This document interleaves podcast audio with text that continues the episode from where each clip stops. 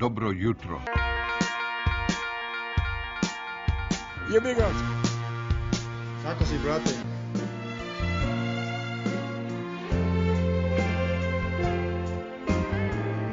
Bilo lepo.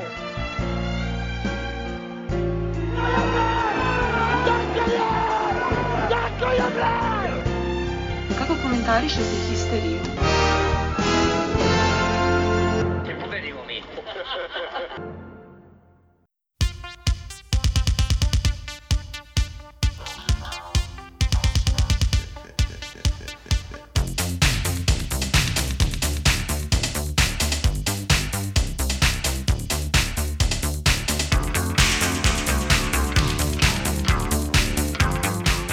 Pozdrav histerikalci, dobrodošli u 37. epizodu treće sezone podcasta Partizan Hysterical. Dve, dva, dva futbola, dve košarke, ali pre svega toga moramo da kažemo a, konačno jedna lepa vest što se futbala tiče, osim naravno pobede nad moćnom loznicom. E, to je svakako nešto o čemu smo pričali baš u prethodnoj epizodi, a ticalo se novog ugovora Slobodanu Uroševiću. Klub nas je konačno demantovao ovaj, e, i pro, produžio ugovor jednom od najboljih i najkonstantnijih igrača Partizana ove sezone. E, Mada to ne mora da znači ništa jer smo tu novo saznali uz uobičajenu fusnotu.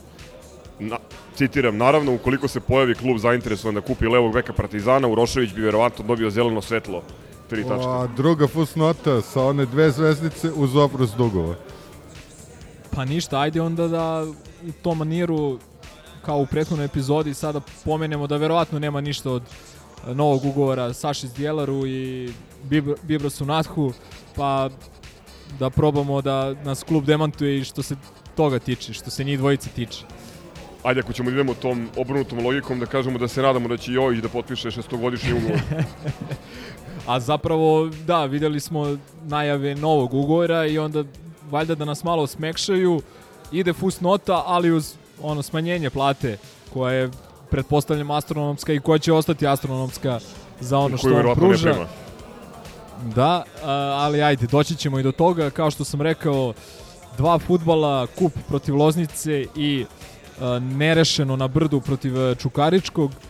A, ono što je usledilo nakon utakmice je bilo možda i zanimljivije od, od same utakmice, ali o tome ćemo da pričamo što se košarke tiče pobeda u Trentu, pobeda i juče protiv e, Mege, ubedljiva i lepršava igra, E, ali ajde, prvo džinglovi pa da krenemo sa futbolom.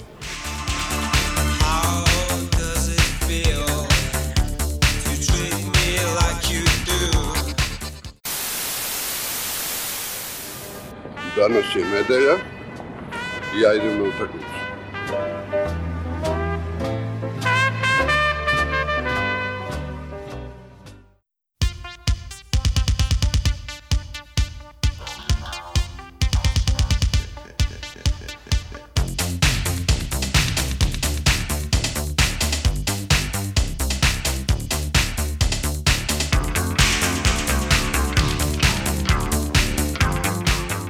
Ok, pošto su Lemiju pocepane emocije, ja ću da krenem ovima što ne mogu bez loze.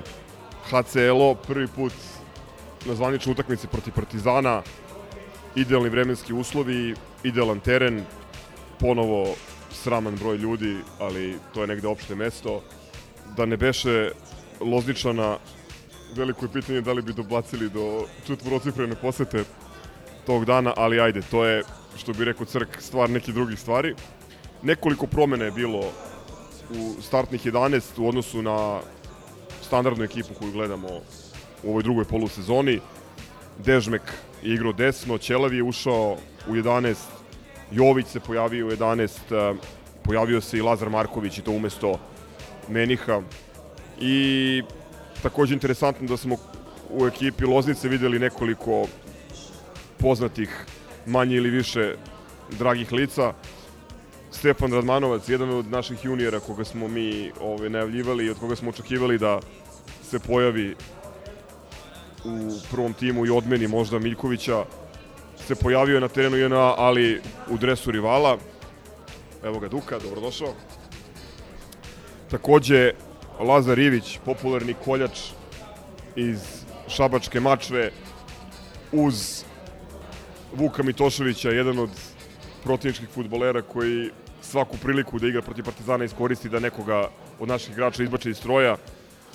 Jedna, ajde, da mi ne zameri Lemi, jedna vrlo jednostrana utakmica. Ja sam poslednji put video odnos u posledu lopte, koliko je bilo, 82 18 kad su igrali Celtic i Barcelona, samo što ovaj put e, ekipa koja igrala bunkericu nije uspela da napravi apsolutno ništa.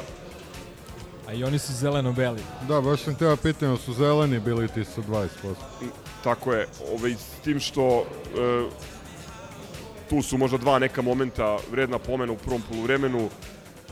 A, divan dubinski pas Jeftovića i jedan penal kao soliter koji smo svi videli osim sudije Minakovića i mislim uz onaj običajen folklor i uz protest, proteste Stanovića, ali ono što je meni tu najzanimljivije i najtragičnije u isto vreme da se te i pojavi neki sudija i da te krade protiv Loznice na tvom stadionu. Mislim da to ovaj, zaista ono već postaje ono nivo jedne, jedne farse sve produkcije i zapravo najviše govori o tome koliko je ugled Partizana ili ovih ljudi koji vode Partizan u ovom trenutku niza, koliko oni ne mogu eto da obezbede fair ili, ili adekvatan tretman čak ni na utakmici protiv nižerazrednog protivnika.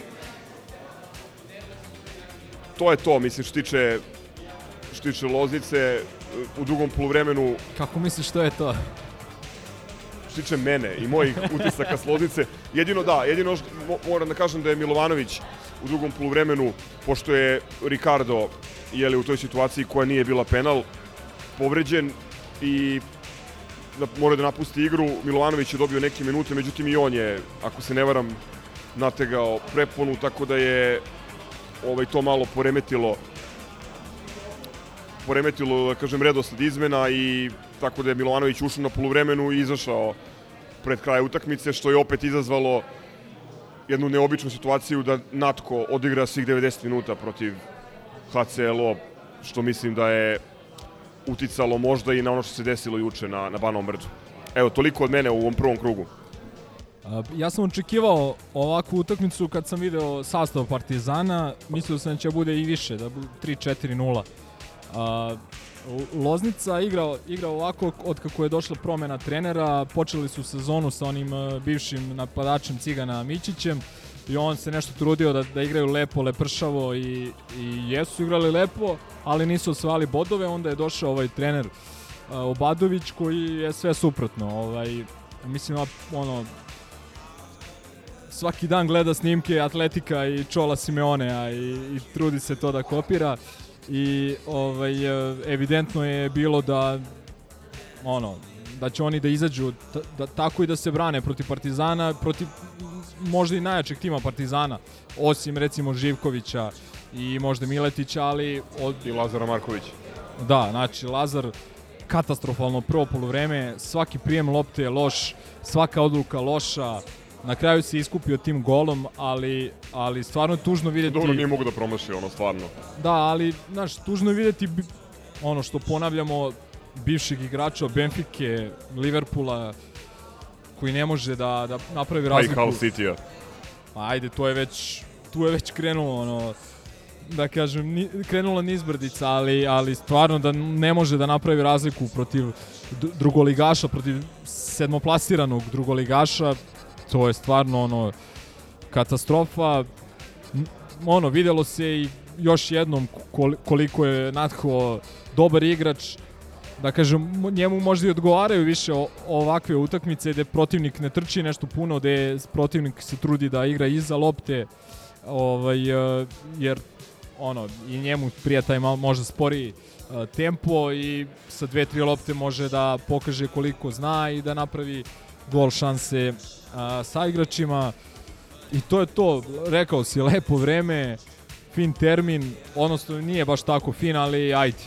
E, boga mi, na istoku je bilo ozbiljno sunčenje zuba i ovaj, i glava i to je to, ono, Lozničani u finom broju i ovi što navijaju za jedne i ovi što navijaju za druge. I eto, nemam pojma, ovaj, e, čak smo čuli zajedničko skandiranje. Tako da, to je to, mislim, idemo Reci dalje. samo da li je bilo u pitanju Rusija ili kosmet. Naravno, pa, Rusija. Ali je Jug inicirao, da se zna. Aha, Jug dobro, inicirao. da. da. A, dobro. šalu na stranu, Nije bilo Rio Tinto. tu, nije, ili marš sa Drine. Ovaj, to je to, idemo dalje i ne znam, ono, svakako je bitnija utakmica ova koja je bila sinoć i jača i treba njoj više da Ja posvetimo na ovom vremena. Milenkovo idemo dalje i imam samo da kažem kako ko Milenko, kako ko. neki smo ispali. To jest neki ste ispali. Ok, ja, ja sam odgledao jedva ono prvo polovreme, tako da ne bih ništa ovaj, dodavao, da pređem i na, na onaj gorak, gorak utisak od, od juče. Pa evo, Gazo, ti si bio na, na stadionu, pa reci nam iz prve ruke. Pa Ne znam kako bih počeo ovaj priču o ovoj utakmici juče. Vi znate da nisam imao preveliko očekivanja. Ne zato što ovaj, mislim da nismo u stanju da pobedimo Čukarički, već zato što mislim da sam u jako lošem momentu kao ekipa. Deluje da, da se mučimo da damo gol. Takođe, Čukarički je realno daleko najkvalitetniji domaći klub posle nas i komšija i sva ona priča u pripremi ili u najavi utakmice kako će neko nekoga da pusti ili da se skloni, to su potpune nebuloze. Kogod je gledao više od jedne sezone našeg futbola, taj zna da se bivši igrači Partizana Partizanu ne sklanjaju, pa makar bili i Saša Ilić i ja mislim da je to potpuno u redu i da tako treba da bude.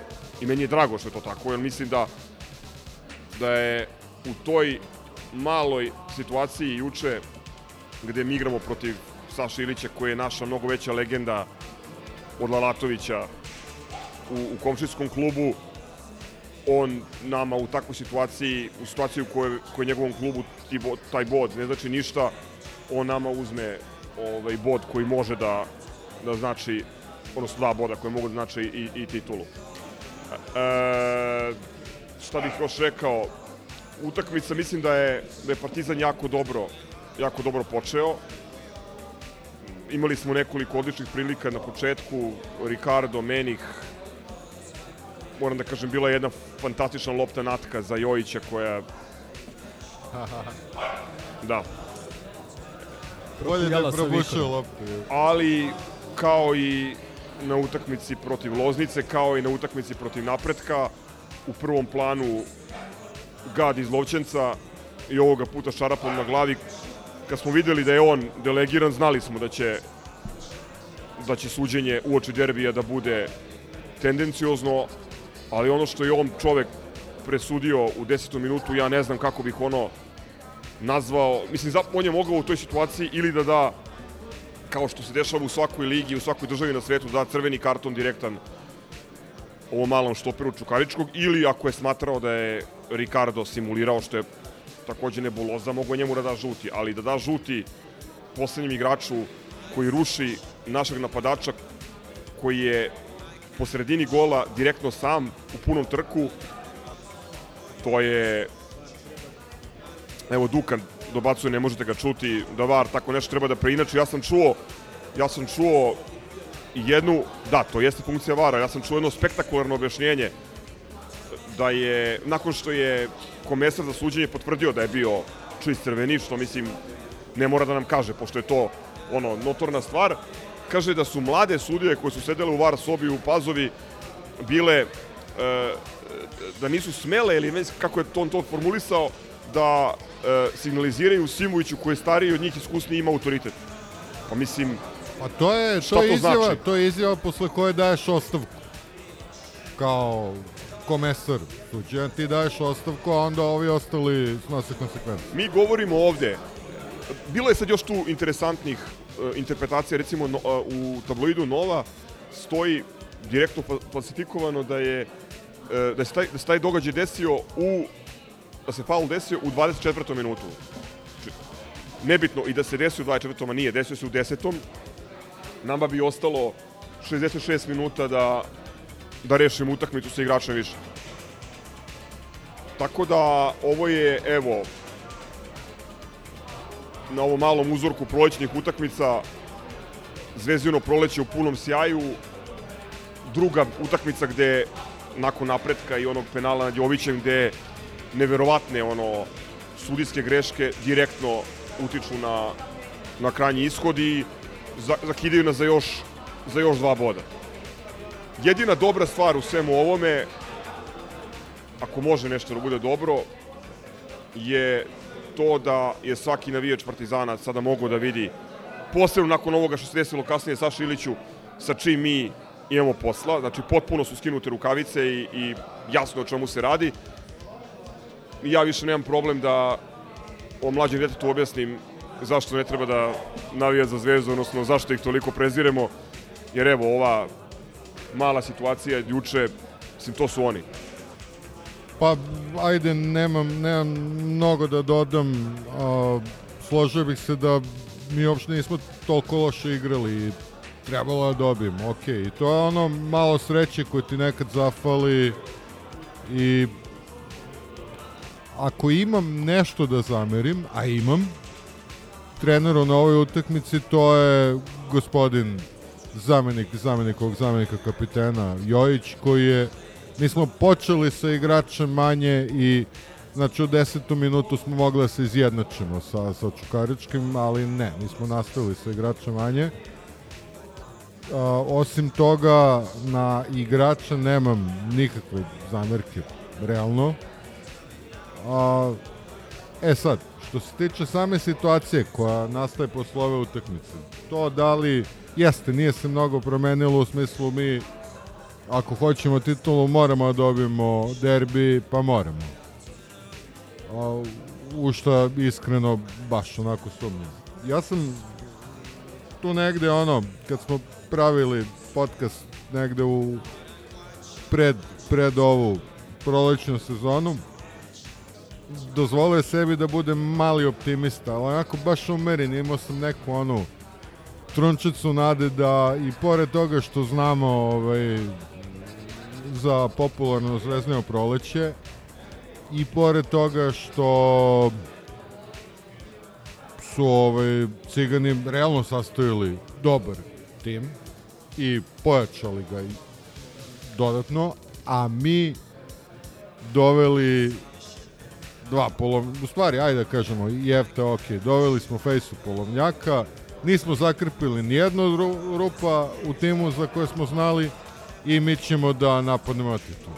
Naravno da nećemo i ja sam se nade da, da ćemo nešto uraditi ove godine, ono, napraviti to čudo. Već posle 2-0 u derbiju sam ja potpuno ono, defetista i ubite me, ali nemam, nemam nikakve, ovaj, nikakve očekivanja.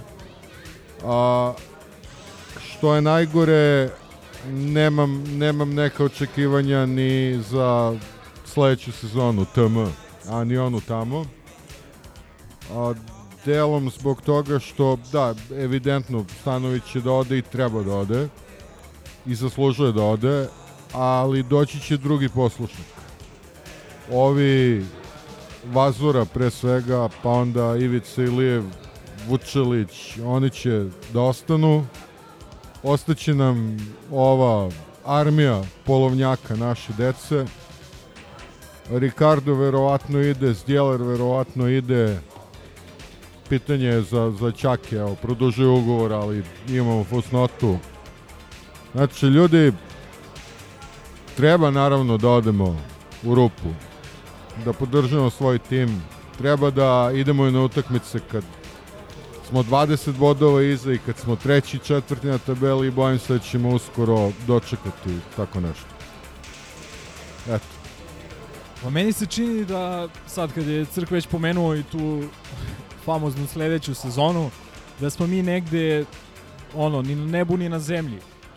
Imali smo priliku Zimus, pričali smo o njoj, uh, da osnažimo svoj tim, da sa 2-3 kvalitetna, prava, istinska pojačanja, zdrava pojačanja koja su u stanju da igraju, uh, da bar uradimo sve što je do nas da da ne prosipamo bodove protiv napretka, protiv uh, Čukaričkog, da nam možda čak ni ta jedna krupna krađa nad svim utakmicama uh, koje smo očekivali, da nam ne predstavlja problem, ili bar ne u više od jedne utakmice i da na dva derbija koja su preostala da imamo sa čime da izađemo pred njih, da odigramo kako treba da odigramo i da ono u najgorem slučaju izvučeš X u tom prvom i da oni dodatno potonu, a ti da dobiješ nova krila ovaj, i tako dalje.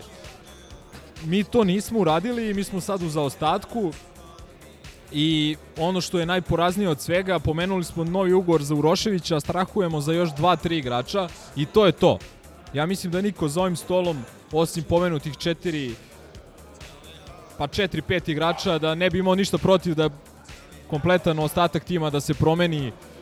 Toliko ima, imamo poverenja, odnosno nemamo poverenja u, u, u rad Ivici Lijeva i ovaj i što da ne kažemo i trenera koji gura iz nekog svog ja ne znam više kog razloga gura igrače koji nisu sposobni da igraju 90 minuta čak ni na ovom ling long nivou konkretno ako ono imenom i prezimenom Miloš Jović po meni ne sme da priđe prvom timu Partizana može da bude na poziciji možda Lole Smiljanića da uđe svaku petu utakmicu u 88. ili 90. minutu i to je to. Znači ja ne mogu da opišem ko- koliko mene nervira ko, njegova igra i njegov ono malokrvni stav.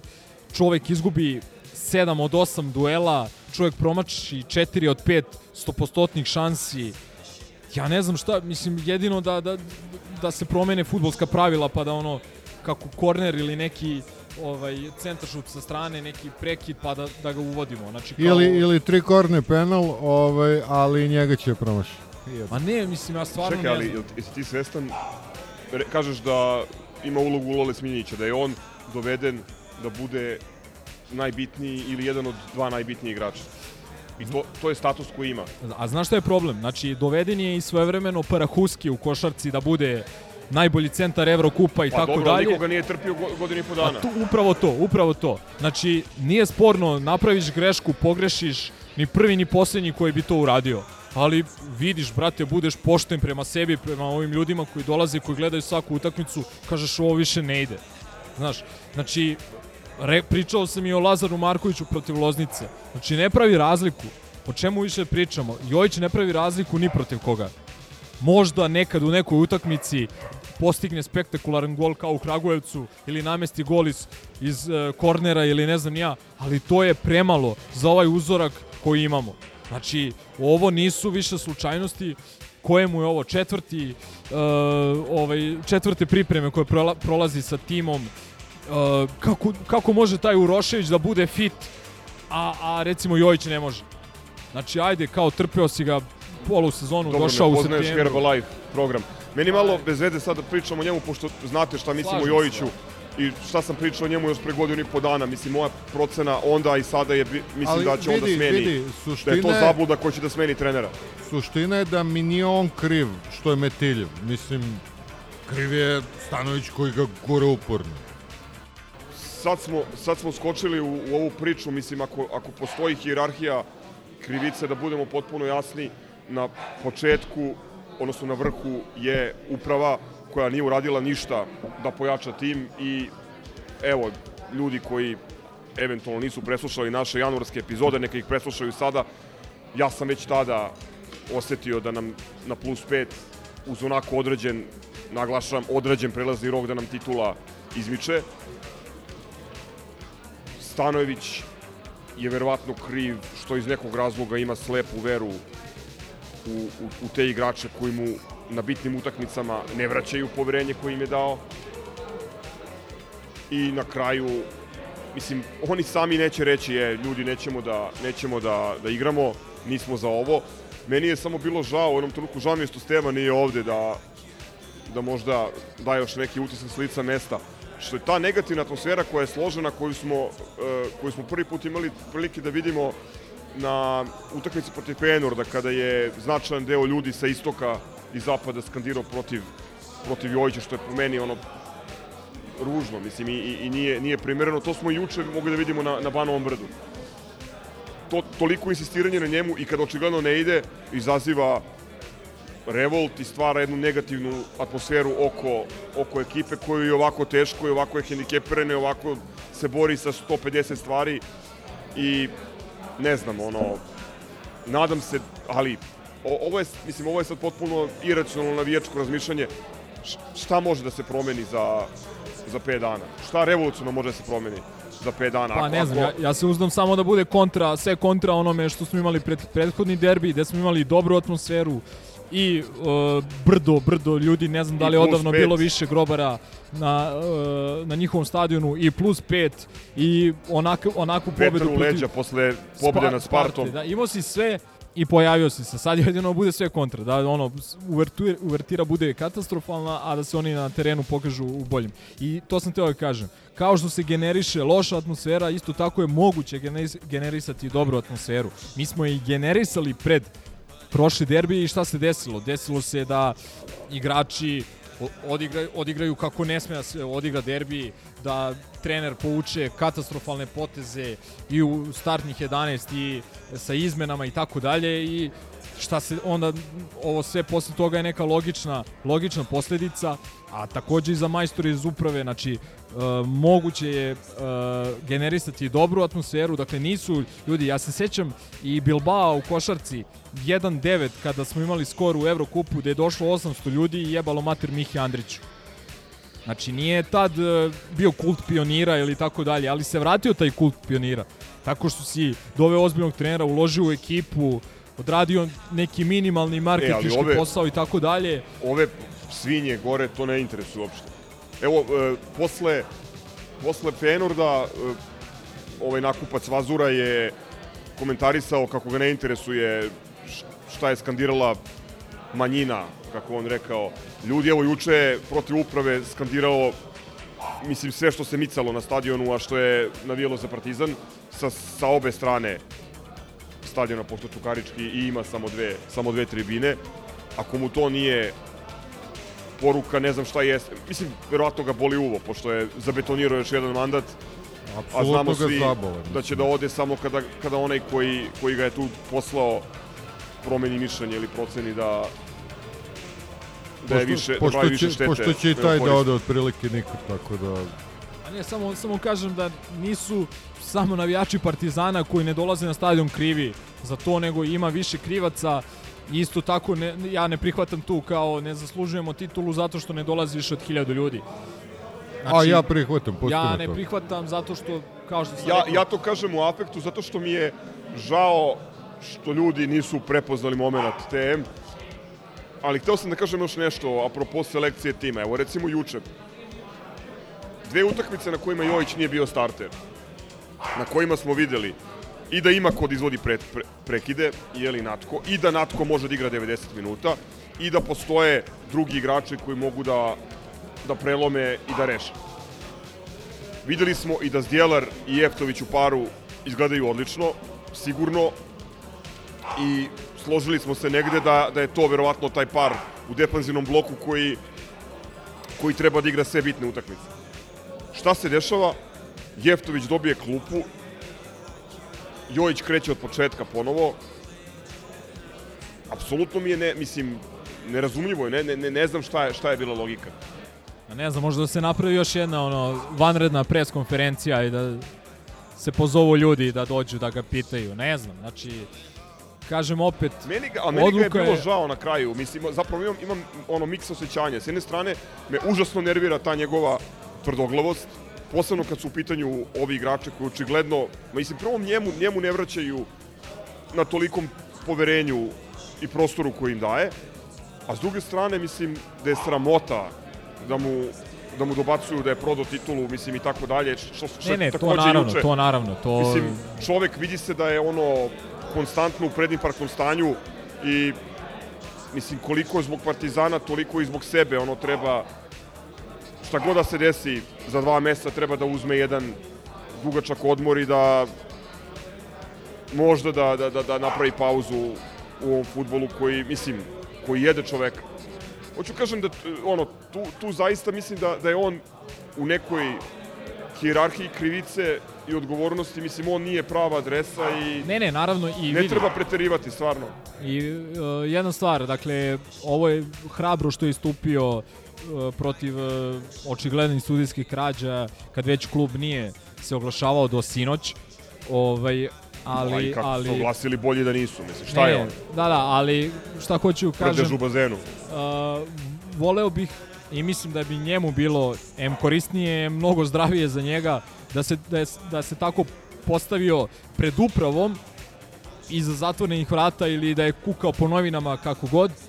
A, imao je, dakle, proleće u Evropi, imao je plus 5, imao je zalog da kaže ovo su moji uslovi, želim to i to, ako mi to ne ispunite, ja odoh. I ja verujem da bi ga podržalo de, ponovo, kao i onda, kod, sa Đurićem, podržao bi ga ogroman br- broj ljudi. E sad jebi ga, naš, Ne, ne, kockao sad će se... biti neka visi Pedro, znaš, ako, Pa da, ako, na kraju ne će on ispasti titulu, a- kriv, a, da, realno, ali- realno, realno je da, je da su nam šanse male, Biće on krivac jer je prokuckao, ili na kraju krajeva reći će, pa čekaj, ili ovaj čovek rekao da ima dobro dobro ovaj, popunjenu ekipu, nije se žalio. I okrenio Brni, Vazura, Ilijev i Vučelić nedodirljivi i svi su krivi osim njih. Ma ne, to, na to smo, na sve te stvari mi smo davno navikli i tako će i ostati. Ovaj, ali, ali ajde da pomenemo i ovo što se dešavalo posle utakmice, pomene to isto. Izvini, ja sam samo hteo da, da pomenem nešto što tiče terena, a nije Simović. U drugom poluvremenu igrali smo nešto loše kada je zamenjen Natko. Malo smo bili nepovezaniji, Ove, onako stihijski smo napadali, ali i iz te stihije smo imali 4-5 ozbiljnih prilika. Ricarda juče nije hteo gol, e, ona dva pokušaja glavom i onaj pokušaj u 93. minutu kad mu je Jović spustio, gde je možda mogao bolje da, da, da odreaguje, ali ljudi, on je u prvom poluvremenu imao šest sprinteva preko pola, sam sa dva visoka i jaka štopera. Mislim, nije ni on, nije ni on svemogući, mi njega, mi njega previše koristimo i previše satiremo da bi i u ovakvim utakmicama mogo da bude na 100% tokom svih 90 minuta. Takođe moram da kažem da je Menih imao jedan fantastičan pokušaj sa 20 metara levom, koji je ovaj Jeste. golman Novak, ali Mićević, ne Simović, A sve su to Ovaj, normalne stvari i, i da se ne pobedi. Ti kad pogledaš sad naš učinak, broj pobeda, broj nerešenih i broj poraza u sezoni, to je fantastično. posebno protiv treće plasiranih na njegovom terenu. Ne, ne, naravno.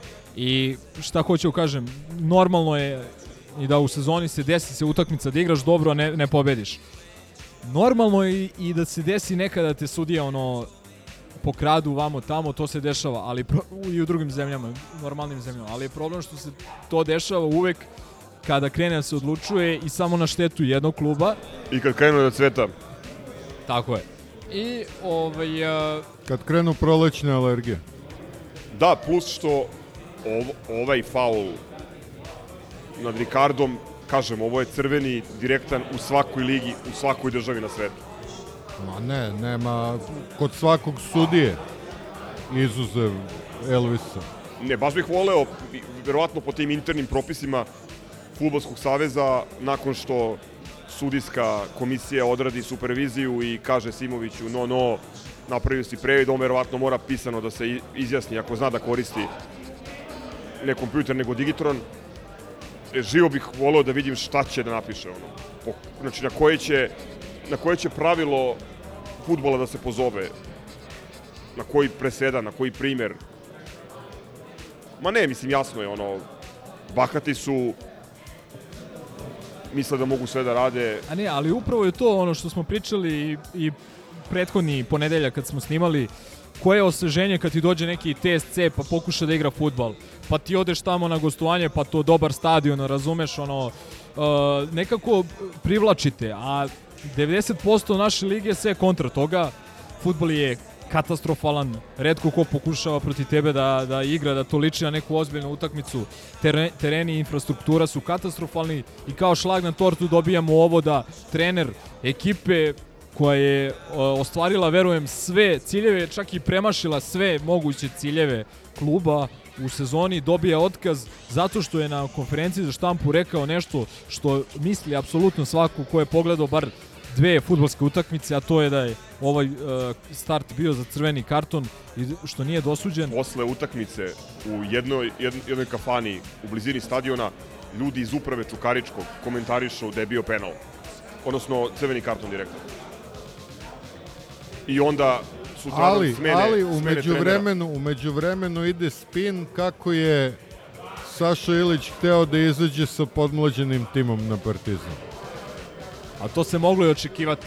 Ali šta hoću da kažem da... Saša Ilić je poslao najjači tim, Ali za razliku od spin. Latovića koji je ponovo igrao sa rezervama. I druga stvar, e, ona priča kako je Tine uvredio brojnu navijačku bazu Čukaričkog i to ne pije vodu jer postiću vas da je pre četiri godine Lalatović na utakmici u Komšiluku izveo svoja, svoja dva sina u ciganskim dresovima kao trener Čukaričkog. Mislim, ako to nije neuvažavanje ili nepoštovanje poslodavca, ne znam šta jeste. Tako da su to sad sve ono neka bedna, lejmerska ovaj, neki bedni lejmerski izgovori koji nemaju veze s mozgom. A ne, najbolji naš drugar, super, super sound krava je danas rekao stvarno ono najbolje, kao, jel se ovo stvarno desilo na ono Lalatovićevo šetanje klinaca u, u, u ciganskom dresu, da se to stvarno desilo. Pa kaže, što ja više ovo pratim. I stvarno je, me- meni je, znaš koga, koga je meni najviše žao? Najviše mi je žao ljudi koji navi- navijaju za Partizan, a vole futbol, recimo ko što ja volim košarku. I, i zamisli ti sad, sa ne, ono, ti ono, ložiš se oko tog futbala, nešto gledaš, analiziraš, šta gledaš, šta analiziraš? Ovo je svinjac i ja ne znam ono, mislim, voleo bi da grešim, ali ako, ako se ovako ne, nastavim, 100 ljudi neće dolaziti na, na, na utakmice uh, zbog ove uvertire, zbog ovi, ovih stvari koje se dešavaju posle utakmice i na kraju krajeva zbog futbala i sudijskih grešaka koje viđamo iz kola u kola. Na što će oni reći da smo mi 11. liga u Evropi. Da, i imat ćemo sve više klinaca koji će ono odlučiti da nedeljom gledaju Liverpool City, a ne Čukarički Ili, partizan. ili da igraju i sport. E, ovaj, ja moram zbog Super Sound krave da pomenem još jednu stvar. Ne, neću da spojlujem ili da ulećem direktno u objave, ali, ali ovo mora da se pomene sada. Ovo je izvod iz izveštaja sa jučerašnje utakmice koju je objavio sportski žurnal. Zašto ho, ovo hoću da, da pročitam sada? Zato što je ovo njihov modus operandi bukvalno 75 godina kako postoje.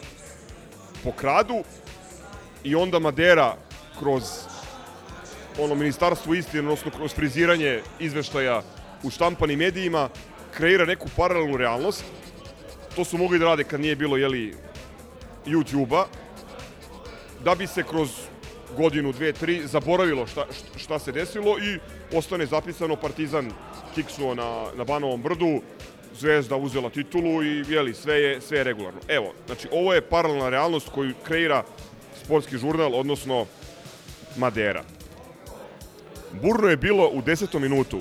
Tražili su crno-beli crveni karton za mladog Bojana Kovačevića, posle prekršaja nad Rikardom na oko 20 metara od gola Čukaričkog. Sudija Simović je procenio drugačije i pokazao žuti karton. Skočili su igrači Partizana na arbitra iz Lovćenca, ali sad, naglašavam, ali utisak je da nije postojala namera kod mladog štopera Čukaričkog da faulira napadača crno-beli. Prvo, kako je autorka teksta procenila iz novinarske lože da li je postojala namera ili nije? Pa po facijalnoj ekspresiji kako? Drugo, drugo, ako je faul nad igračem koji je u trku po sredini gola sam ruši ga poslednji igrač obrane. To je crveni karton u svakoj situaciji, u svakoj zemlji, u svakoj ligi na svetu. Ali eto, to je... Možda se to ne sudi tada, znaš. Da, možda se ne sudi. Da, ne znam šta je Poledica ovaj, napisao i dalje uopšte odreagovao na ovu situaciju kao bivši. Mislim da on igra i za Čukarički. Nešto je afirmativno za Sa, Sašu Ilića napisao, ali ne, nisam ono Dobro, ali sumnjam, pažnju on je, on je on je ono velika pizda oportunistička sumnjam da je os, osudio ovaj Simovića ili Ma vidi, A meni dobro, nije- nije uopšte bitno nije bitan, kraju da. Eto, toliko o tome. Ove, jesmo se izduvali, hoćemo o derbiju, dva minuta. Pa mislim, nema šta, ajde kažemo, kad ode Surdulica koji ipak pa klasa ispod i ovog našeg kilovog tima. I ovaj i koja dođe čak i sa manje navijača nego što je nas bilo znači postoji šansa ali ne pretjerano realno. Eto to Ja nisam optimista, tako da... Nadam se najboljem, ali nisam optimista. Da, ja nisam optimista još od prelaznog roka, pa onda me je derbi ovaj prvi učvrstio u tome. Nisam teo da budem defetista, ali nakon kao proslavljene noći mislim da treba otići u Rupčagu i boriti se do, do kraja. Mislim čak, ovo sad opet navijač govori, a ne racionalna osoba, mislim čak da je bolje što, što je ovakva situacija i što nam je neophodna pobeda, jer se plašim da bi uz neki ovaj, uz neku bodovnu prednost ili povoljni, povoljni ishod na tabeli za nas da bi Stanović možda kalkulisao, ovde nema sad, ovo je Džajli Bu. Mogu, mogu odmah da ti kažem da, da za tu anti-Grunfovu majicu da se i doktor Ikad slaže, pošto on širio tu a, valjda još, još su putovali nazad ka Novom Sadu, on je zvao svi na derbi, svi na derbi, tako da izgleda i on misli da je bolje kad igramo X protiv Čukaričkog nego kad pobedimo. Ne, neko je napisao, a ja ću se složiti, da ako na tri prvenstvena derbija ne pobediš, Ne, apsolutno, to, postavlja se opravdano pitanje da li, da li zaslužuješ titulu. to, to sam čak ja pričao ranije, ono, hashtag KSJP, Stanović Ovaj. ima puno toga da, da dokaže sebi ovom džiberu preko puta i delu javnosti koje je počelo da ga osporava, zaboravivši da je umeo da pobeđuje derbije u prvom mandatu. E sada sve je protiv nas u ovoj situaciji. Jednu, mislim, jedna stvar koju se nadam da neće biti protiv nas, to je sudija, jer vidim da su se opet raspisali ovi iz, iz Rupčage. Mislim, ne znam kako, eto, taj Srđan Jovanović može da sudi Realu i Chelsea-u, a ne može njima poštenima. Ne znam šta im je to loše uradio i kako im se zamerio na prethodnom derbiju koji su dobili krajnje pošteno. Nema šta. Tako da ovaj, mislim da bi svako drugo delegiranje koje nije Srđan Jovanović samo ono potvrdilo da je ovde ono savez direktan saučesnik u, u svemu što se dešava.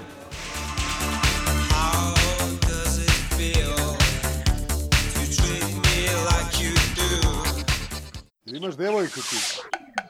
Spreman za istraživanje?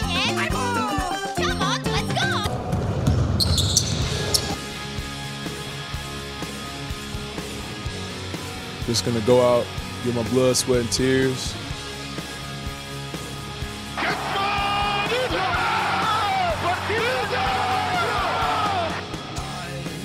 Perché tifi Partisan Belgrado?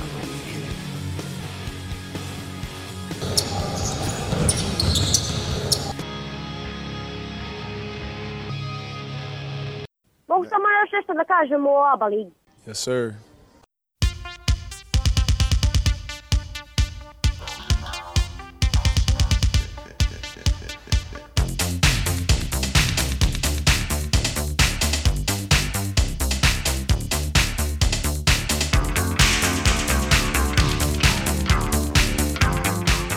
Lemzy Time, ali na zahtev mnogobrane publike a, dozvolili su mi ovi basket geekovi, nerdovi da ja kažem par ovih nesušnih opštih mesta pa onda oni da nastave ovaj, po svom. A Trento, prvo da kažem ovaj, ono što me brine u vezi Trenta je a, što mi evo četiri, četiri godine za redom igramo sa njima Mene brine, pošto oni nemaju šanse da se dokopaju Eurolige, da nećemo ni mi, jer prosto crta se ta, ta grupa sa njima. A simpatična trivija je, evo, odigrali smo osam mečeva sa njima, a izgubili svega dva, jedan onaj domaći u Ljubljani i drugi kome smo prisustvovali nas trojica s doktora X-a, baš samo da odaberemo kad ćemo da odemo put Italije. No, utakmica, a, šta znam, počelo je onako, ovi su se, Trento se dosta dobro držao po meni do, do momenta kad ulazi Madar. A, I iako je Ledej po brojkama igrač utakmice, meni je najjači, najjači utisak te tekme ovaj, partija Madara, a boga mi najjači potez utakmice, onaj njegov uh, dribling uh, izbijanjem lopte i onda ostavljanje iza leđa za Ladeja. Što se tiče ostalih, uh, Panter se realno nije pojavio, on nije, nije doputovao u Trentu uopšte. Ladej odličan, Mur onak dobio je, dobio je veću minutažu i solidno iskoristio, ali nije, nije baš nije blistao. Lesor se dosta mučio, tu smo dosta lopti smo izgubili a, tako što su spuštali njemu, on zatvoren među dvojicom, su lopte ispadale. Šta još od... Da, recimo, a, Zagor i Trifa po meni još jedna solidna timska utakmica i ona bitna, bitna Trifina trojka a, kad su pa stigli su nas u tom momentu, bitna trojka, ali pored toga u, u momentu tom, dok sam gledao Trento, a, počeo sam malo da brinem da njih dvojica počinju da se smenjuju na, na poziciji Dangubić. Što znači igraju timski, igraju odbranu i vrlo, vrlo malo doprinosa u napadu. Mislim, sledeće utakmice je Trifa srećom demantovao, ali ajde da, da ne trčemo napred. Šta ja znam, to, to su neki moji ono, opšti utis. Da, nismo videli recimo uh, Tristan i, i ovaj glas su dobili priliku samo u poslednjem minutu, tako da nisam čuo samo da li si pomenuo onaj potez utakmice Da, da, Madar. da. E, Onaj, pa na, čuo. kad, kad gledaš statistiku umesto da slušaš o opšte mestašanje. Mnogo si tih, mnogo si tih. Ovaj, e, to svakako treba pomenuti kao nešto što je definitivno obeležilo tu utakmicu. A, još jedna stvar je obeležila, to je ponovo fantastična partija Zeka Ledeja. Rekao si, Crk, da je po statistici on bio naš najbolji igrač i jeste bio najbolji igrač. Radio je mnogo korisnih stvari, a, namestio je tu ruku ono, u šutu za tri poena. Stvarno, mislim da i po statistici da je naš najbolji šuter ove sezone i dalje, što je samo po sebi i ku- kuriozitet, ali potvrda toga da on donosi ono šta smo i očekivali, a to je taj šut van linije za 3 poena. Raspoređena minutaža ponovo Panter je odlučio da uzme dan odmora i odigrao je jednu od najslabijih partija čak čak dakle usudio bi se da kaže možda u zonu budućnost možda i najlošiju Dallas Moore 12 poena deluje da se malo diže diže mu i Željko minutažu diže se njemu samopouzdanje svakako nešto što će nam trebati. Smajlagić odradio je solidan posao Lesor je bio u nekoj, uh, nekom padu forme do juče i Mege. Nekoliko utakmica Uh, nije baš bio na zavidnom nivou, pominjali smo onu utakmicu u Ljubljani, uh, ali ovaj, u svakom slučaju ako je ne, dobro, ne, nešto u tome dobro, to je da je izabrao da u najnebitnijim možda utakmicama malo padne u formi i nadam se da je ona utakmica juče u hali sportova pokazatelj da se i on polako diže pred ono što nam sledi, a sledi nam uh, najbitniji deo sezone. Uh, Madar je imao katastrofalan šut iz igre, evo sad gledam 2 od 12. E, to sam hteo da te pitam, jer sam zaboravio da pomenem, pa se setio pa ću opet zaboraviti. Koliki smo imali procenat za dva i da li nam je to najgori procenat za dva u poslednjih x Da, godina? bravo. Uh, 17 od 48, dakle 35% Au. za dva. a pritom e, neverovatan broj promašenih zicera. To je ono što je stvarno obeležilo. Ja ne pamtim da smo Da, ali u paru sa 19 skokova u napadu, tako da se to Da, na Ledej neki način Ledej me u jednom napadu podsjetio na, na ono, na Tomašević u najboljim danima, kad u istom napadu napravi a, tri ofenzivna skoka i poen tako što uspeva promašiti tri zicera. Mislim da smo ukupno imali 49 skokova, što Da. je za Evrokup nivo čak i protiv Trenta neverovatan bilans. da, dobro odrađena utakmica sve u svemu da da smo malo bolje šutirali za dva poena ovo bilo bi 30 razlike bez ikakvih a, problema Tristan nije dobio više od dva minuta eto jedino možda to. Ali sve u svemu dobro raspoređena minutaža dobar doprinos određenog broja igrača da kucem u drvo niko se nije povredio i to je ono što smo želeli uopšte od ove utakmice i to smo dobili. I ništa, to je to, dakle nema nešto preterano smisla ni analizirati, jednostavno potvrdili smo razliku u kvalitetu i to je to. Tako je, uglavnom rutinski sa izuzetkom onog njihovog, one njihove, njihove mini serije u poslednjoj četvrtini, ali na suvi kvalitet smo ovo izvukli. Pomenuo bih samo dva, e, još, još dve situacije. Jedan napad koji je, što kažu, za, za one play of the day highlightse, Madar, dodavanje iza leđa i Zaharije zakucava iz naskoka. Vidi se, znači niko ne prati podcast. Evo. Ti, si, ti si treći koji Svako- opisuje taj napad. Svako od nas je tu, ali nema veze, zaslužio taj potez je zaslužio. Zato je play of the day.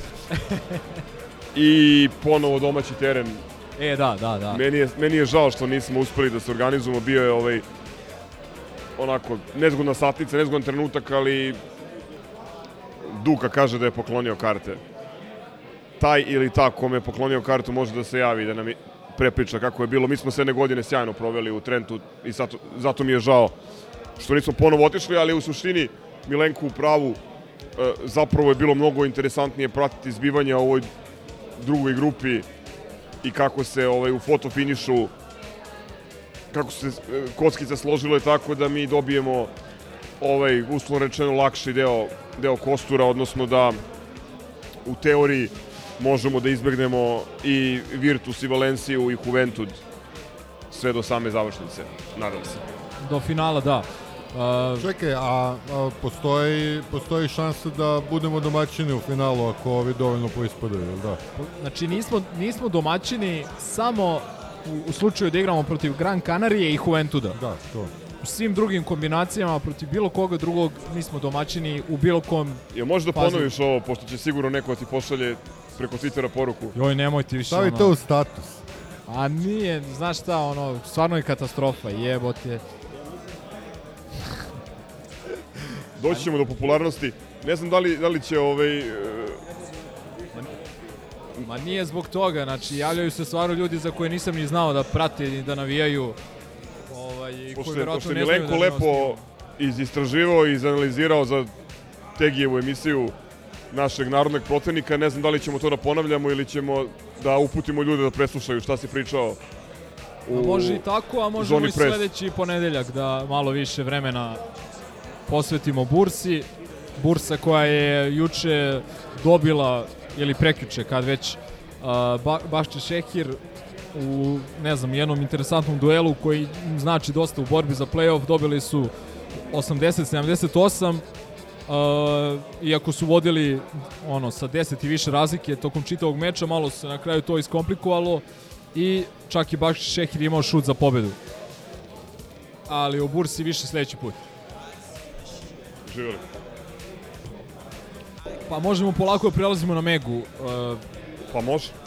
specifično... Ako ćemo tuti pruti u sledećoj, može. Da, specifična utakmica, specifičan termin, uvek draga hala, uh, ali stvarno je bilo interesantno, ono, probudiš se, doručak, kafica i već počinje ovaj, utakmica, fino, Izvini, ili kao Smajlagić iz grada direktno na drugo polovreme. da, da. Sa splava, da. A I nije ono, ni iz grada, splavovi su blizu, tako da može I, peške. i, I još ga Željko namerno muči, stavi ga u prvu petorku. Je. A, a, lepo popunjena dvorana, imajući u vidu da se Mega odlučila da a, prvi put ove sezone pusti u- ulaznice, odnosno da prodaje ulaznice i da stavi cenu od 1000 i 2000 dinara za njih. A, čak imamo neka neke informacije da je menadžment tog kluba želeo da stavi tri puta veće cene ulaznica. Ne, uve, uvijek to rade. Ja se sećam pre jedno 8 godina, isto u hali protiv Mege, bila je 500 dinara karta za tribinu. A ne znam, mislim, ajde da, ono, to je već javna tajna da odnosi među među nama i nisu na najboljem nivou posebno od dolaska Željka Obradovića, zna se i zbog čega i mislim da je u tom nekom smislu jako dobro što smo juče se predstavili u svetlu kako smo se predstavili i da smo stvarno i demolirali. Oni su vodili, čini mi se, 6-3 na startu utakmice i to je bilo to. Veći deo utakmice je bio, uh, da kažem, uh, u našoj prednosti od 20 do 30 razlike. I ka, ono, prijatna atmosfera, sve ono što smo pričali za futbal, ovde je kontra bilo, stvarno je bilo lepo prisustovati utakmici, gledati klince, na kraju smo videli i petorku gde Partizana koja je mlađa od petorke Mege i to prilično a koja važi za I mnogo kvalitetnija. i, i da i talentovanija Da, i već ko je, kvalitetna. ko je pri nekih plus 29 recimo ginula za, za loptu, što je Bitno je publika naglasiti, umela da, da pozdravi. pošto Da. smo slušali kako je Madar netalentovana, Zaharije je, e, kako beše, nije prevara, nego kusur iz Milana. Da. Dobro, na, na debilne teze nećemo ni da odgovaramo, da, da trošimo vreme. Ovaj, šta, šta znam, lepo baš utakmica, uh, Panter se vratio, jeli, stigao je na Novi Beograd na vreme, a Madar opet odličan, a Mur je ovog puta bio, dobio još više minuta i rekao bih da ih je još bolje iskoristio. I opet po meni potez utakmice ona njegova pirueta za, za 2 plus 1. Mislim da je promašio taj plus 1, ali I sve jedno. ona trojka odmah posle toga sa Da. istekom vremena iz nemogućih situacija. Ovaj, Trifa, to sam rekao, ono, počeo se brinem da, da su zajedno Trifa i Zagor na, na poziciji Dangubića, Trifa razigran u, u poslednjoj četvrtini, baš onako nadavao fino poena.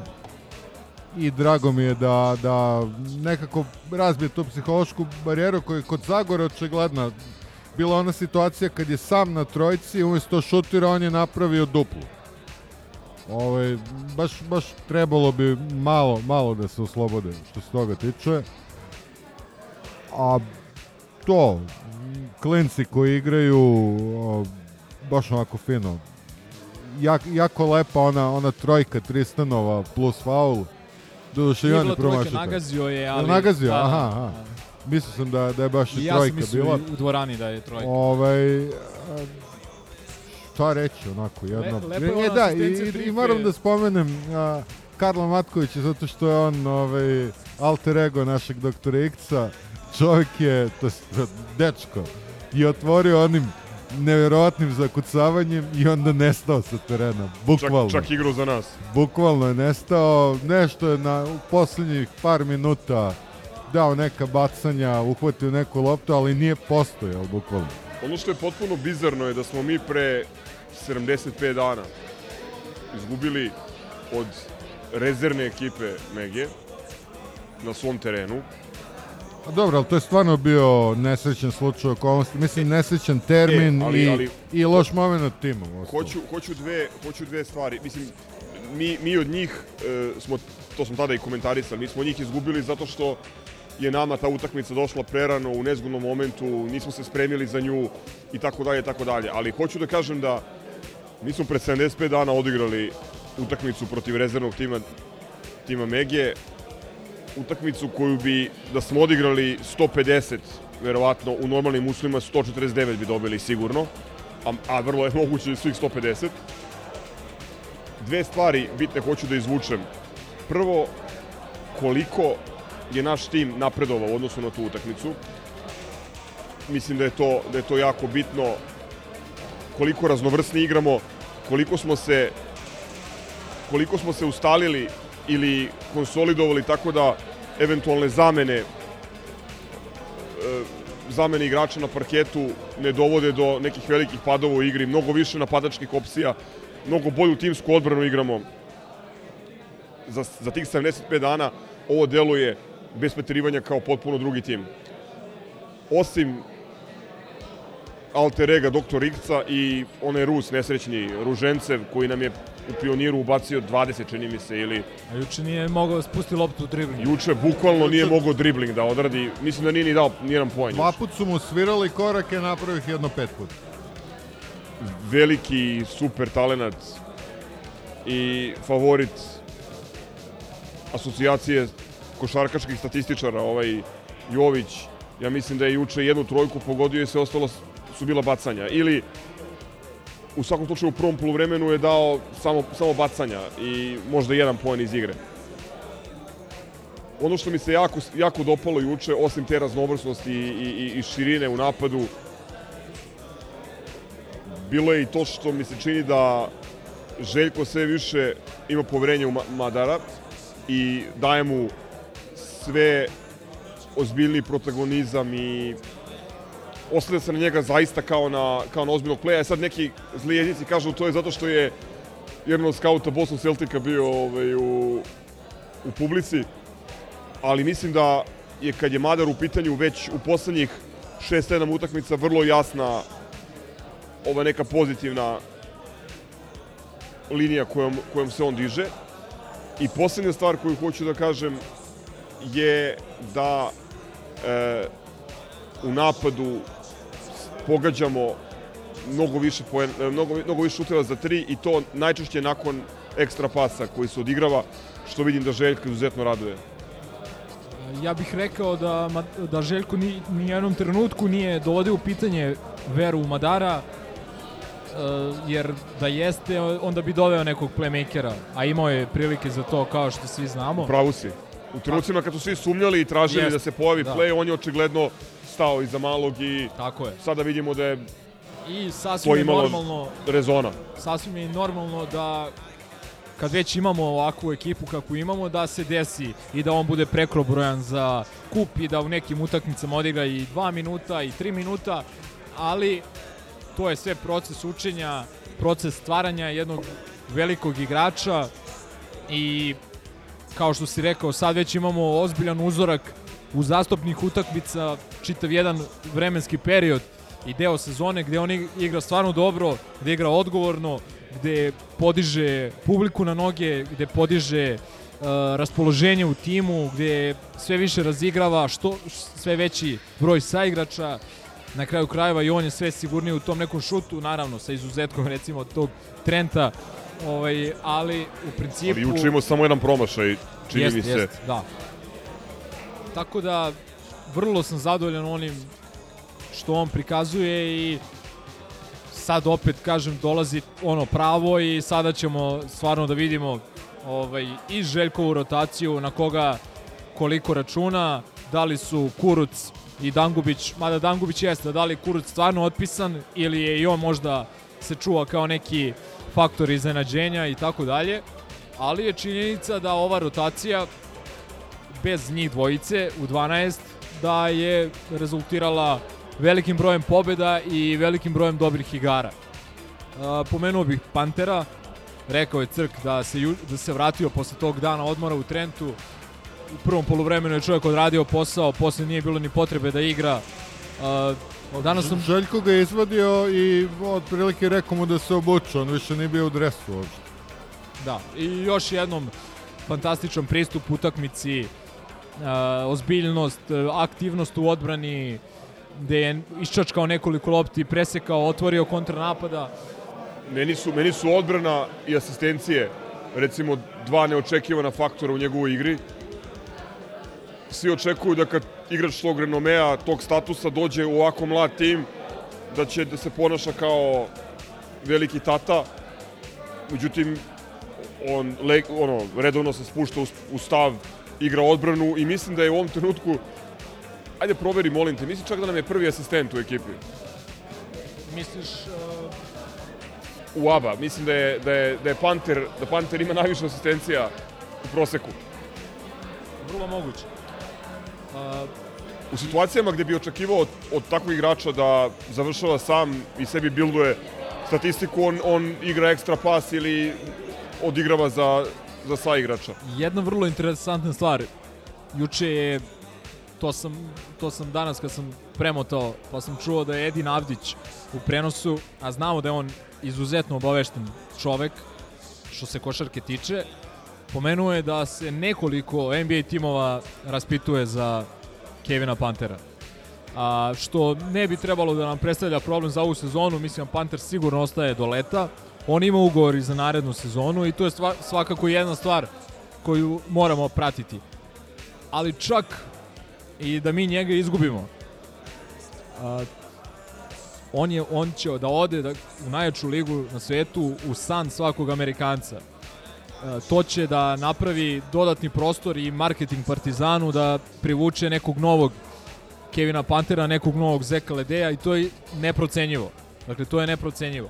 Uh, atmosfera u ekipi, to smo pričali, pominjali, neverovatno je dobra. Vidimo reakcije ponovo u klupe kao u onoj Trinkerijevoj sezoni. Kako to možda kažeš? Da li su, da li su svi zapratili sve na Instagramu? Da, veliko je to, to je veliko pitanje, ali Da se Željko raduje kad damo koš? Da li se Željko raduje kad damo koš? da, da, mnogo, mnogo psuje i mnogo viče na njih. Znaš, da. Ali, Meni, meni mnogo simpatičan moment, mislim da je bilo protiv Trenta kada Madar izlazi, ovaj, a ovaj mu, Željko mu nešto objasni, onda ga tapne onako po glavi. Po onoj deli, delinkventskoj frizuri. To je bilo simpa kao i jučerašnji razgovor Željka sa našim najmlađim protivnicima, sa Balšom i Tristanom. I još jedna stvar sa lica mesta, oduševio me, oduševila me je maskota Mege, Panter Pinky? Pinky, Pinky Panter. Znači, neverovatna energija i stvarno ono, jedan od simpatičnijih maskota koje sam vidio. A da se vratim na ovo tvoje pitanje, jeste Panter, uh, Panter i Avramović sa 3,1 asistencijom su najbolji asistenti.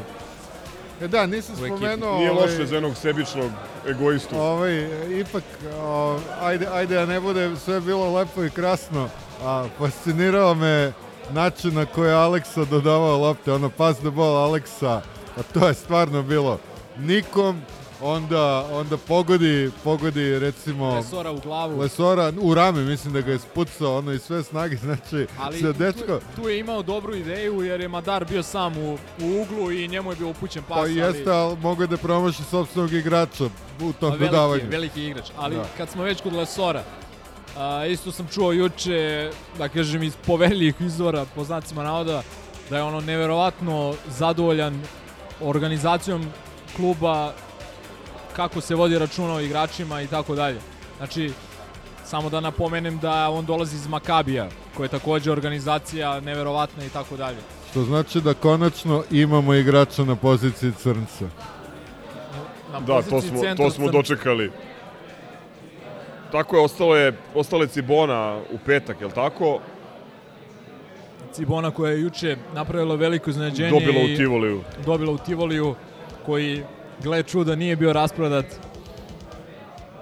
ovaj, uglavnom prekinuli su tu seriju CDVite od neki 14-15 pobjeda i usmerili budućnost na nas u A i ovima je našla kad će padne forma, realno. Ono što je najbitnije je da ljudi zaista shvate da je sada svaka utakmica finale za sebe.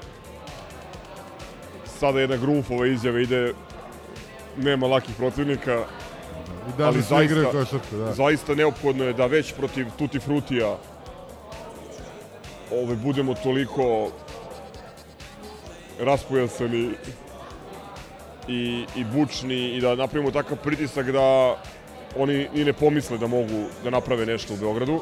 Igra se u hali, ili tako? U hali se igra ovaj, Cibona.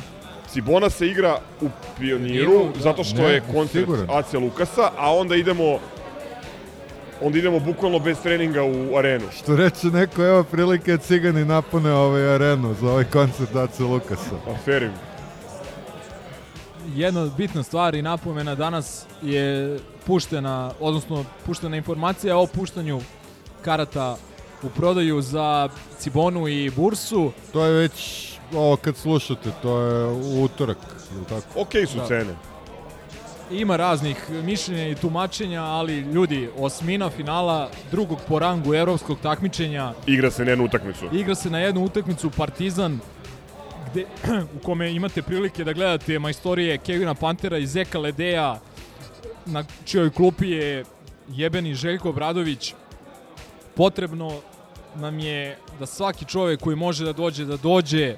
Uh, nemojte da čekate polufinale, finale, jer ono, ne daj Bože, možda do toga i ne dođe, možda ne bude, možda i dođe, ali ne bude u Beogradu i tako dalje. Mislim da su cene sasvim korektne, kao što sam rekao, za fazu takmičenja, za renome protivnika, koji takođe ima nekoliko dobrih igrača, i, ali na kraju krajeva sve se svodi na to Ne, cene su korektne, vidi. A, a, mi smo prvi pričali da su cene za Conference ligu potpuno idiotske. Najjeftinija karta je toga. 700 dinara. Da, a ovo stvarno, mislim. Čet, 400 ovaj nivo bočno, centralni 400 i 1000 itd. Ajde probamo da, da napravimo grobarsku histeriju i kao što rekao, svaka sledeća utakmica je finale. Ono što je dobra stvar da, na, da sad ulazimo u, u jedan period pauze u, u regionalnoj ligi, pošto idemo direktno u, u polufinale, tako da ono što je negde jedno od glavnih obeležja Željkovog stručnog rada je da onda kad smo imali dosta vremena za pripremu utakmice, tim je pokaz, pokazivao maksimum i nadam se da ćemo uspeti u ovom periodu kada nemamo dve utakmice, odnosno ritamo dve utakmice dnevno, da ćemo uspeti da ovaj, se dobro pripremimo za svakog protivnika i da, nadam se, dođemo do finala. Sad, puno stvari je tu u igri. Meni, meni lično je drago što smo izbegli i Virtus i ovaj, Valenciju, nadam se do same završnice i moje neko predviđanje da će Partizan igrati u finalu u Beogradu sa, sa Virtusom. To bi negde i na, na nekom simboličkom nivou e, pomoglo da se zatvori onaj sumanuti krug koji je otvorila korona, odnosno naša poslednja utakmica, prvi on the road u Paladoci pred izbijanje onog čuda koje je toliko stvari promenilo pre nešto jače od dve godine i mislim da bi ono i na simboličkom nivou bilo bilo sjajno da se da se taj krug zatvori finalem e, finalnom utakmicom protiv Virtusa u, u Beogradskoj areni. Nemam šta da dodam, daće Bog. grobari trku, ticket line i daj da napunimo arenu i da eliminišemo prvu od četiri prepreke koliko su nam preostale do kraja.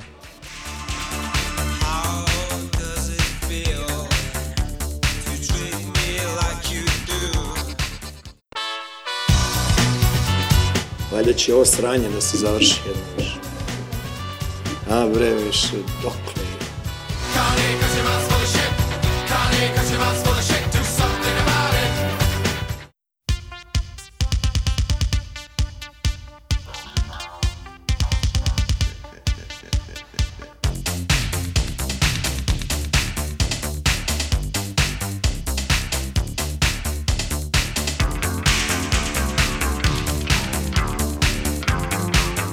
što kaže Ali G, vreme je da završimo ovo sranje, a i da nam se Karlo ne naljuti, jer smo malo odužili ovaj futbolski deo. A iskren da budem i kutak za ništa sporno trenutak, nažalost, odnosno na nesreću nikada sadržajniji, nikada ispunjeniji.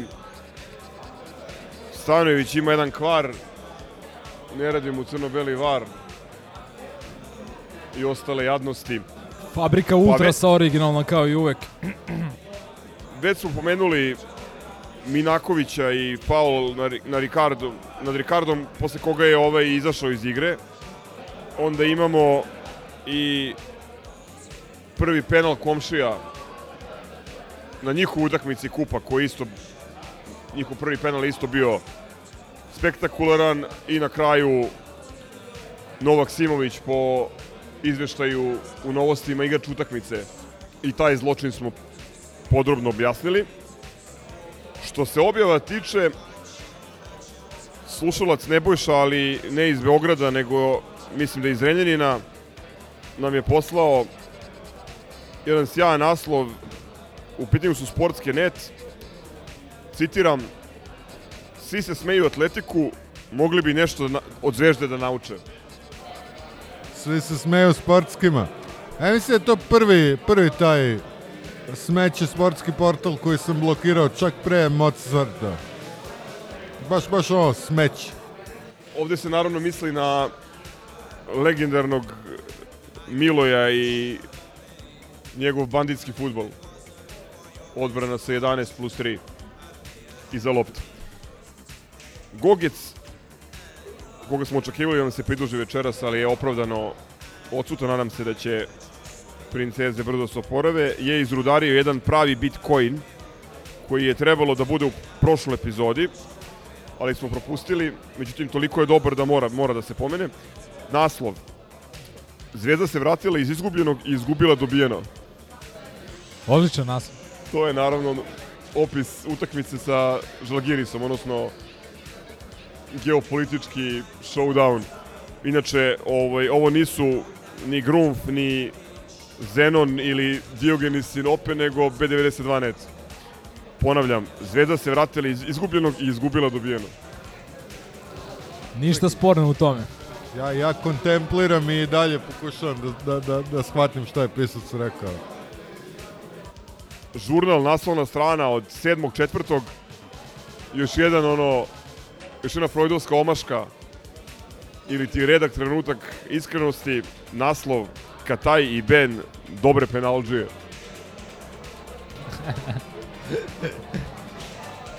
e, ovo je isto strava. Ovaj prilog sugestija od Boškovića, našeg vernog slušalca sa mračne strane koji je poslao ovaj screenshot e, Mondo je u pitanju. Uživo dve tačke. Dva penala za Zvezdu i crveni za TSC. Spektakl u Kupu Srbije. Sjajno. Say no more. I poslednji predlog, ne znam ko je predložio, ovaj, izvinjavam se, hot sport koji obično ne tretiramo kao mediji, ali ovo je prejako i mora da se pomene. Naslov, citiram, sjajne vesti za Partizan pred večiti derbi. Izraelac najverovatnije traži blagoslov od muftije Mustafe. Inspirisan ovim sjajnim naslovom, Steva je obećao da će za sledeći broj našeg fanzina da napiše izveštaj sa iftara kod Dibra Sanatka. Hiljade šiptera i muslimana. A imali smo zanimljivih ovaj, e, objava i nakon te sada već čuvene utakmice između naših e, komšija i, i Efesa a, e, koja je digla prašinu završnica ono gde su se neki grčki novinari zapitali šta se tu dešavalo i tako dalje, ali ajde da ne pominjemo Zašto niko to. ne igra odbranu? Da. A, ali ajde da ne pominjemo to. Ne, ne, ne, jako je bitno. Mnogo je tvrđa odbrana igra na, na Novicinu oproštaju nego u posljednje tri minuta. jeste, stvarno jeste. Ove, uglavnom, naslov Kruna evropskog šampiona na tacni za kraj. Znak uzvika. Kalinićeva eksplozija dovela pionir do usijanja. Ove, sad, mislim, neko ko ne prati mogao bi da pomisli da se igra Final Four Evrolige i da su oni tu dobili recimo u polufinalu ili finalu, međutim reč je bilo reč je o posljednjoj, posljednjem kolu uh, nebitnom za jedan, a videli smo i za drugi tim. Tako da, ali dobro, mislim sve A čekaj, to... a jesu top 9 na kraju? Top, top šta su završili? Top, uh, top 0-11. A top 011. Da, A mislim to- da- Mada, mada jako je bitno istaći, ja sam to provalio na nekoliko mesta, da su im navodno uh, pripisali deveto mesto. Na nekoliko mesta su na volšeban način, iako su i Baskonija i ne znam ko je ovaj Alba. drugi klub, Alba, da, u međusobnim duelima ispred njih. Dobro, ajde, neka, neka bude top između 9 i 11, mada... Top između 9 i 11 nakon što su eliminisali ruske ekipe. Može, ajde, da ne računamo i Nemce, neka bude... Ne, meni je okej da bude top 9. Potpuno. Ništa, čestitke na top 011 i da bog da vam svaka sezona koju u budućnosti provedete u Euroleague bude ista ovakva. Za kraj po, pozdravi, ja imam dva. Jedan naravno za doktora, magistra, profesora Sašu Ilića. Ne moram da obra- zbog čega. I drugi pozdrav za e, Miloša i ekipu Video Stroja koji su pripremili u ovoj važnoj nedelji za, za naš klub još jedan sjajan video uradak čiju premijeru nestrpljivo očekujemo. Hvala vam puno na svemu što radite za Partizan. Nadam se da će i drugi ljudi koji znaju, umeju, mogu odlučiti da se kreativno izraze i pomognu da se razlike između nas i njih još više podeblja. Ja bih pozdravio košarkaški klub Fuenla Brada i čestitao im na pobedi vrlo bitnoj u borbi za opstanak u, kome, u kojoj su nastupili u crno-belim dresovima, odnosno crno-sivim, ali crno-belim dresovima, naravno inspirisani tom 92. i Partizanom. Pozdravio bih posebno Dragana Milosavljevića koji je jedan od bitnijih igrača Fuenla Brade, koji je naravno naš bivši kapitin i jedan od najvoljenijih igrača koje, ko- koje pamtim i a, koliko znam a, određen deo a, onaj klubski struktura će biti prisutan na obeležavanju a, našeg kluba, dakle u čini mi se Crown Plaza u četvrtak.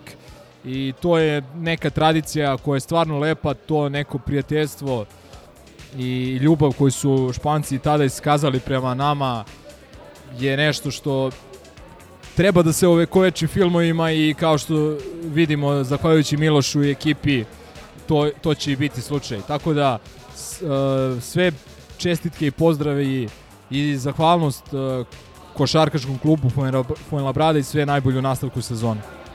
I poseban pozdrav za admina njihovog Twitter naloga koji je išao redom i lajkovao grobarske retweetove i objave u vezi, u vezi te utakmice. To je to. Ćao. To bi bilo to. Ćao. Ćao. Ciao, brate. Salim ti prijetna dan.